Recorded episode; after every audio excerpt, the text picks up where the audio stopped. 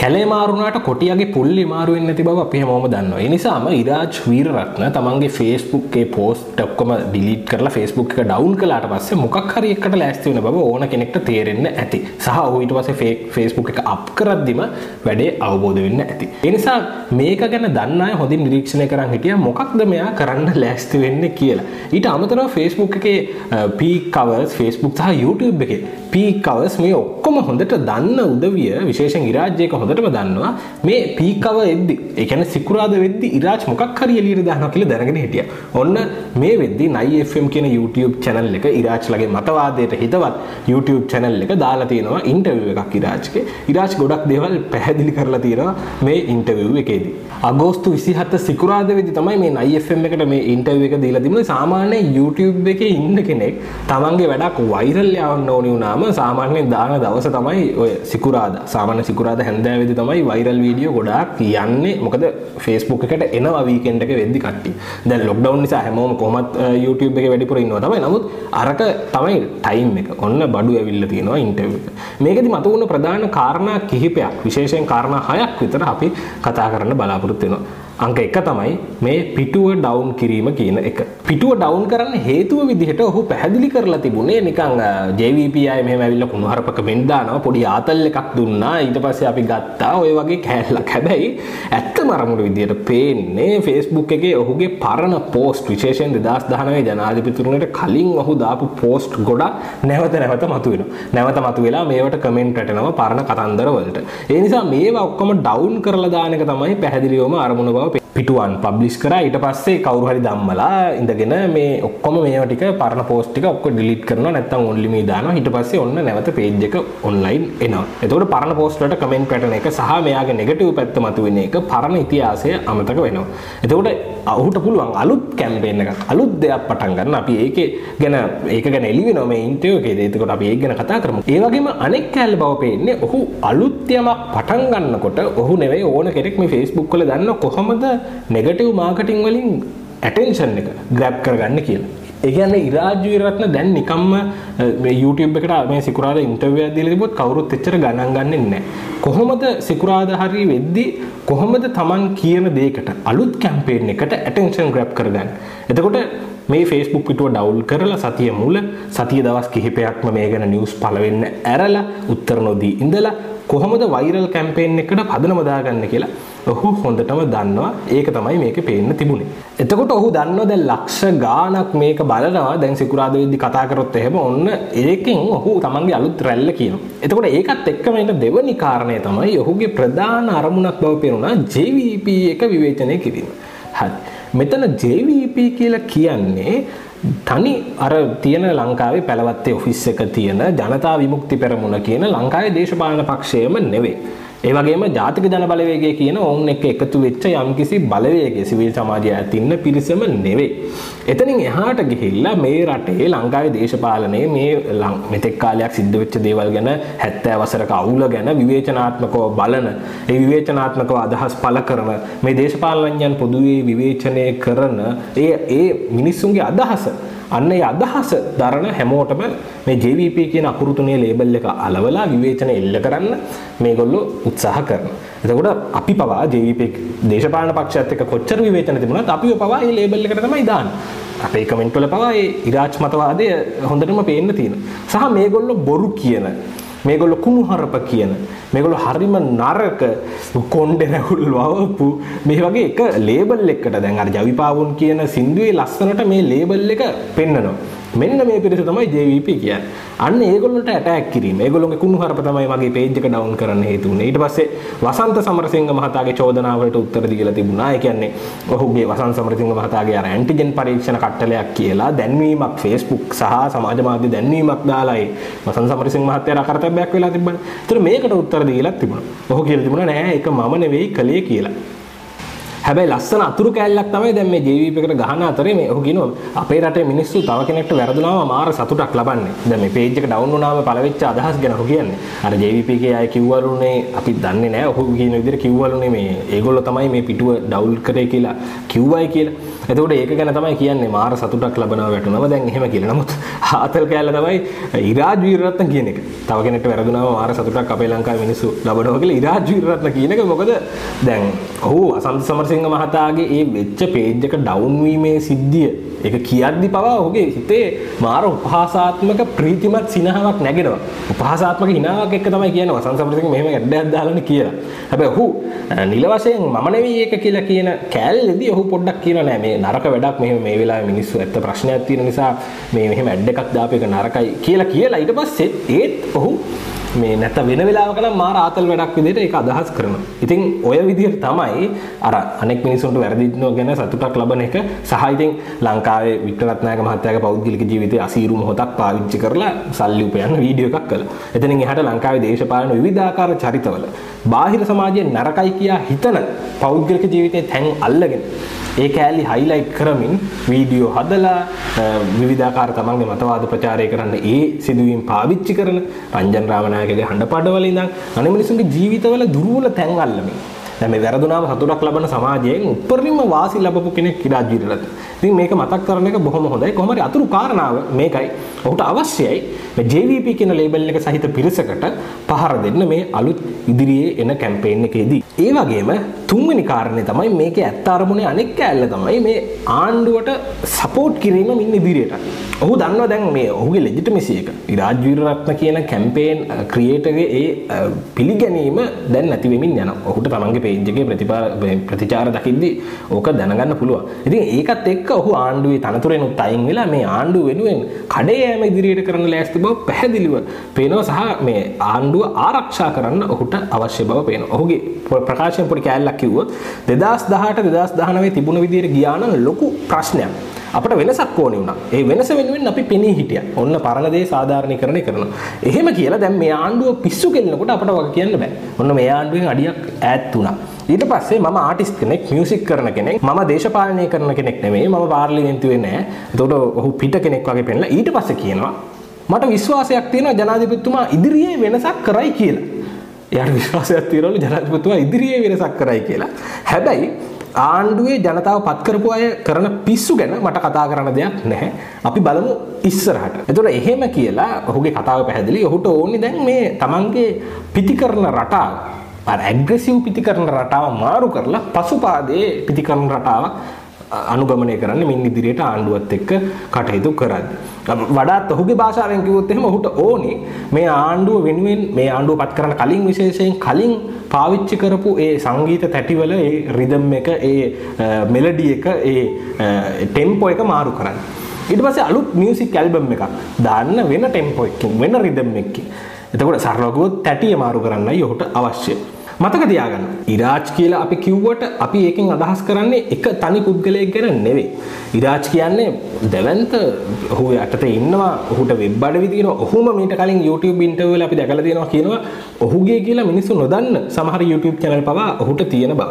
එතකොට ඒ වගේ වෙබ් අඩවි වල ඉඳන් Facebook පිටු මේ වගේ යම්කිසි ආයතන පද්ධතියක් සිය ගානක සමහර විට නැත්නම් ඊටත් වැඩි පිරිසක් ඔහුගේ යටතේ ක්‍රියාත්මකව ඉන්න වැඩ කරනවා. ඉතින් එහෙම ගත්තම ඉරාජ් කියන්නේ තනි පුද්ගලයෙක් නෙමෙයි. පෙරමුණක්.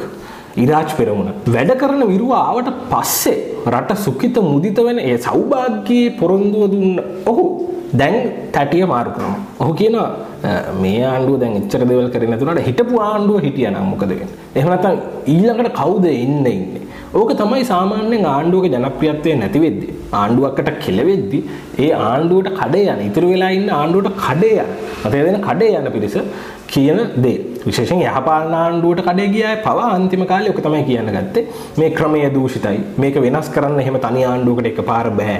මේ මෙහෙම තමයි මේ නිලධාරීන් ඉන්නවා දූෂිතයි. ඒ නිසා මේ කරගන්න බැරි වීම ගැන විවිධාකාර කරුණු කියනවා. ඒ කියන්නේ මේ ආණ්ඩුව ඇර වෙන හේතු ඇඟිල්ල දික් කරලා පෙන්වනවා ආණ්ඩුවේ ඉන්න ඉහළ නායකයා හෝ දෙන්න හැර අනිත් අයට ඇඟිල්ල දික් කරලා පෙන්වනවා මේ මේ නිසයි කරන්න බැරි වුණේ ඔහුගෙම කටින් කිව්වොත් එහෙම මේ රට හදන්න මන් දන්නේ ජෙනරේෂන් කීයක් යයිද කියලා. අන්න එහෙමයි ඔහු කියන්නේ මේ ඉන්ටර්විව් එකේදී. මේ අප්‍රසන්න ආණ්ඩුවක් රැකීම කියන ඇල්බම් එකේ වැදගත්ම ගීතයක් තමයි මේ ඊළඟට මේ මේ ඊළඟට වෙන කවුරු හරි ආවොත් මොනා කරයිද කියලා හරිම නරක වෙන්න පුළුවන් වගේ දේ කියන එක. ඔහුගේ වචන කිව්වොත් මෙහෙමයි. කොවිඩ් ප්‍රශ්නයක් තියෙන හින්දානේ මේ ප්‍රශ්න තියෙන්නේ. මට තවම විශ්වාසයක් තියෙනවා එයා මේ රටේ වෙනසක් ඇති කරයි කියලා. ජනාධිපතිතුමා. ඔයා බොක්කෙන් කියන්න එයා නැති වුණා කවුද එන්න ඉන්නේ කියලා. එහා පැත්තේ විපක්ෂයේ එකෙක් ආවොත් මීට වඩා විනාශයක් වෙන්නේ. JVP එක ආවොත් මීට වඩා විනාශයක් වෙන්නේ. මේ වෙලාවේ අපිට ඉන්න හොඳම ඔප්ෂන් එක මෙයා. මෙහෙම මෙයාගෙන් වැඩක් කරගන්න ඕනේ. එතකොට පිස්සු කෙලිනවා යට නිලධාරීන් පිස්සු කෙලිනවා ඕගනයිස් නෑ ඔය විදිහට මේක නායකයෝ ඇර වෙනත් පිරිස් වලට ඇඟිල්ල දික් කරමින් මේක සාධාරණීකරණය කිරීම. ඕකයි අලුත් කැටිය. හතරවෙනි කෑල්ල මොකද්ද? මේ අලුත් හැටියේ ඊළඟට ඔහු වෙනවා මර්ධනය ඉල්ලීම කියන භයානක කෑල්ලට. ඔහුගේ වචන කිව්වොත් එහෙම ජනාධිපතිතුමා තද නීති දාන්න ඕනේ. තව පොඩ්ඩක් සැරවෙන්න ඕනේ. ඔහු කියලා තිබුණා. එතකොට මේ ආණ්ඩුවට වැරදුන තැන අර්ථකථනය කරද්දී ලේසියෙන්ම අපි දකින දේ තමයි මේ ආණ්ඩුව මිනිසුන්ගේ අදහස් මර්ධනයට උත්සාහ කිරීම මේ ආණ්ඩුවට වැරදුන තැන. මිනිසුන්ගේ අදහස් වලට ඉඩ නොදී මර්ධනය කිරීම වැරදුන තැන. නීති දැමීම ඊට පස්සේ බලය දැඩි ලෙස එකතු කරගන්න උත්සාහ කරා.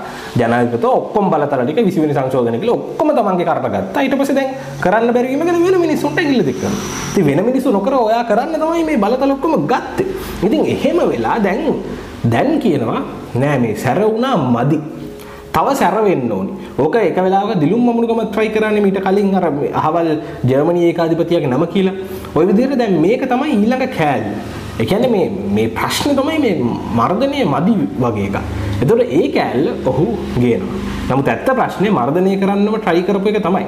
මර්ධනය නෙමෙයි මේ රටට අවශ්‍ය වෙන්නේ. මතක තියාගන්න මේ අපි හැමෝම වගේ නෙමෙයි යම්කිසි ආණ්ඩුවකට විතරක් නෙමෙයි ඕනම කෙනෙක්ට වරදිනකොට ඒක තනියම කියවා ගන්න. තනියම මේක විග්‍රහ කරගන්න බැරි විශාල පිරිසක් ඉන්නවා. විශේෂයෙන් ඉරාජ් වීරරත්න තමන්ගේ රසිකයන් විදියට තමන්ගේ විංග් එක යටතට ගත්ත, තමන්ගේ තටු යටතට යටතට ගත්ත විශාල තරුණ ප්‍රජාවක් ඉන්නවා. මේ තරුණ ප්‍රජාවට හරියට කියව ගන්න බැරි වෙන්න පුළුවන් රටේ තියෙන තත්ත්වය. එතකොට මේ මර්ධනය මදි වගේ එකක් කියන එක සහ ඊළඟ අපේ කාරණේ පස්වෙනි කාරණේ තමයි ජාතිවාදය නැවත මතක් කරලා ගැනීම. ඔහු කූරගල ගැන කියනවා මේ ඉන්ටර්විව් එකේදී. කූරගලට අපි යද්දි මෙහෙමයි තිබුණේ දැන් කොච්චර හොඳට තියෙනවද? නිහතමානී සතුටක් ලබනවද කියලා ඉන්ටර්විව් කරන්න ඉරාජ්ගෙන් අහනවා. එතකොට ඔය විදිහට ලංකාවේ අර පරණ ඒ දවස්වල තිබුණු දැඩි ජාතිවාදී කැම්පේන් එක. කොටින්ම කිව්වොත් තරුණ සිංහල කොල්ල කෙල්ල ගිහිල්ලා අර මුස්ලිම් කඩ කම්පැනි කර්මාන්තශාලා ගිනි තියපු අර මිනුවන්ගොඩ අච්චර එක කඩ පේලියේ සිංහල දෙමළ මුස්ලිම් මිනිස්සු එකට හොඳට හිටියා. දැන් අපි ගියාම සිංහල මිනිස්සු දුක් වෙනවා බලන්න මේ කොච්චර හොඳට මේගොල්ලෝ හිටපු අයද මේගොල්ලෝටයි මෙහෙම කළේ කියලා. මේ විදිහට මේ මිනිස්සුන්ට පහර දෙන තැනට ෆෝම් කරපු මේ මතවාදයක් තිබුණා. කැම්පේන් එකක් තිබුණා. ඒ කැම්පේන් එකේ සිද්ධි තිබුණා. ඒතර මේව නැවත මතක් කිරීම අනෙක් කාරණේ. එතකොට ඒකයි මර්ධනය මදි කියන එකයි දෙක ගත්තම පුළුවන් මේ ආණ්ඩුවට වැරදිච්ච තැන අර්ථකථනය කරගන්න නොදන්න ඔවුන්ගේ තරුණ රසික ප්‍රජාවට අලුත් දෙයක් කියන්න බලන්න වෙන විදිහකට අපි මේ ආණ්ඩුවත් එක්ක ඉන්න ඕනි ඇයි කියලා වෙන විදිහකට කියන්න try කරන්න. මේ ඉන්ටර්වියුවේ 6 වෙනි කෑල්ල තමයි අනෙක් අපි අන්තිමට කියන කාරණේ තමයි යෝෂිත රාජපක්ෂ පහර දුන්නාය කියන කතාව ඔහු ප්‍රතික්ෂේප කරනවා. ඔහු මේ ඉන්ටර්වියුවේදී ප්‍රතික්ෂේප කරනවා. ඇත්තටම මේ ප්‍රවෘත්තිය මුලින් ඔය ඉරාජ්ගේ Facebook පිටුව ඩවුන් වුණා කියලා ප්‍රවෘත්තියක් ගියා. දෙවනියට ඉරාජ්ට මෙහෙම ගැහුවා කියලා ප්‍රවෘත්තියක් සමහර තැන්වල ගියා. ප්‍රධාන ධාරාවේ මාධ්‍යවල ගියේ නැහැ. එතකොට මේ ප්‍රවෘත්ති එද්දිම අපිට සැකයක් හිතුණා මේක ඇත්තටම විරුද්ධ වෙන එකක්ද නැත්නම් මේක අරගොල්ලම ප්ලාන් කරපු එකක්ද කියලා.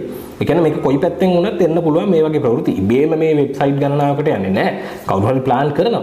ඉතින් ඇත්තටම කොතනින්ද ආවේ කියන එක අපිටත් හිතෙනවා. මොකද මේ වගේ ප්‍රවෘත්තියක් ආව ඊළඟට පුළුවන් ඇවිල්ලා ඉරාජ්නම ඇවිල්ලා කියන්නේ මට ගැහුවේ නැහැ කියලා කිය. ඉතින් මේ ඉන්ටර්වියු එකේදී ඒක කරන අපි වැඩිපුර විස්තර කරන්නේ ඔහුගේ වචන වලින් කිව්වොත් ඔහු කියනවා පිස්සුද මල්ලි එහෙම ඇයි මල්ලි ඒ ළමයි බැඳලා ගෙවල් වල ඉන්නවා. ගහමරා ගන්න යන්නේ නැහැ කාත් එක්කවත්. මම නාමල් එක්කත් කතා කරා. තරුණ සේවා සභාවෙන් අයින් වුණාට ඉදිරියේදී වැඩ ටිකක් කරමු. මම උදව් කරන්න කියලා නාමල් එක්ක කිව්වා. ඒගොල්ලෝ නාමල් රාජපක්ෂලා එක්ක හොඳට ඉන්නවා. නමුත් මේ ප්‍රවෘත්තියක් වගේ හයිලයිට් වුණාම නෙගටිව් නෙගටිව් කැම්පේන් එකෙන් පස්සේ ඔහුට පුළුවන් මේක තමන්ගේ දෙයට පාවිච්චි කරන්න. අන්තිමේදී අපිට තියෙන වැදගත් ප්‍රශ්නේ තමයි අපිත් පුදුම වෙන ප්‍රශ්නේ තමයි අපි බලන්න ඕනේ ඒක. ඇත්තටම ඉරාජ් දැන් මේ කැම්පේන් එක ඉවර වෙලා මේ විදිහට IFM කියන channel එකට ඉන්ටර්විව් දුන්නා. තව ඉස්සරහට සමහරට ඔහු වෙන තැන්වල කතා කරයි. Facebook post එකක් දාලා තිබුණා JVP එකට attack කරලා.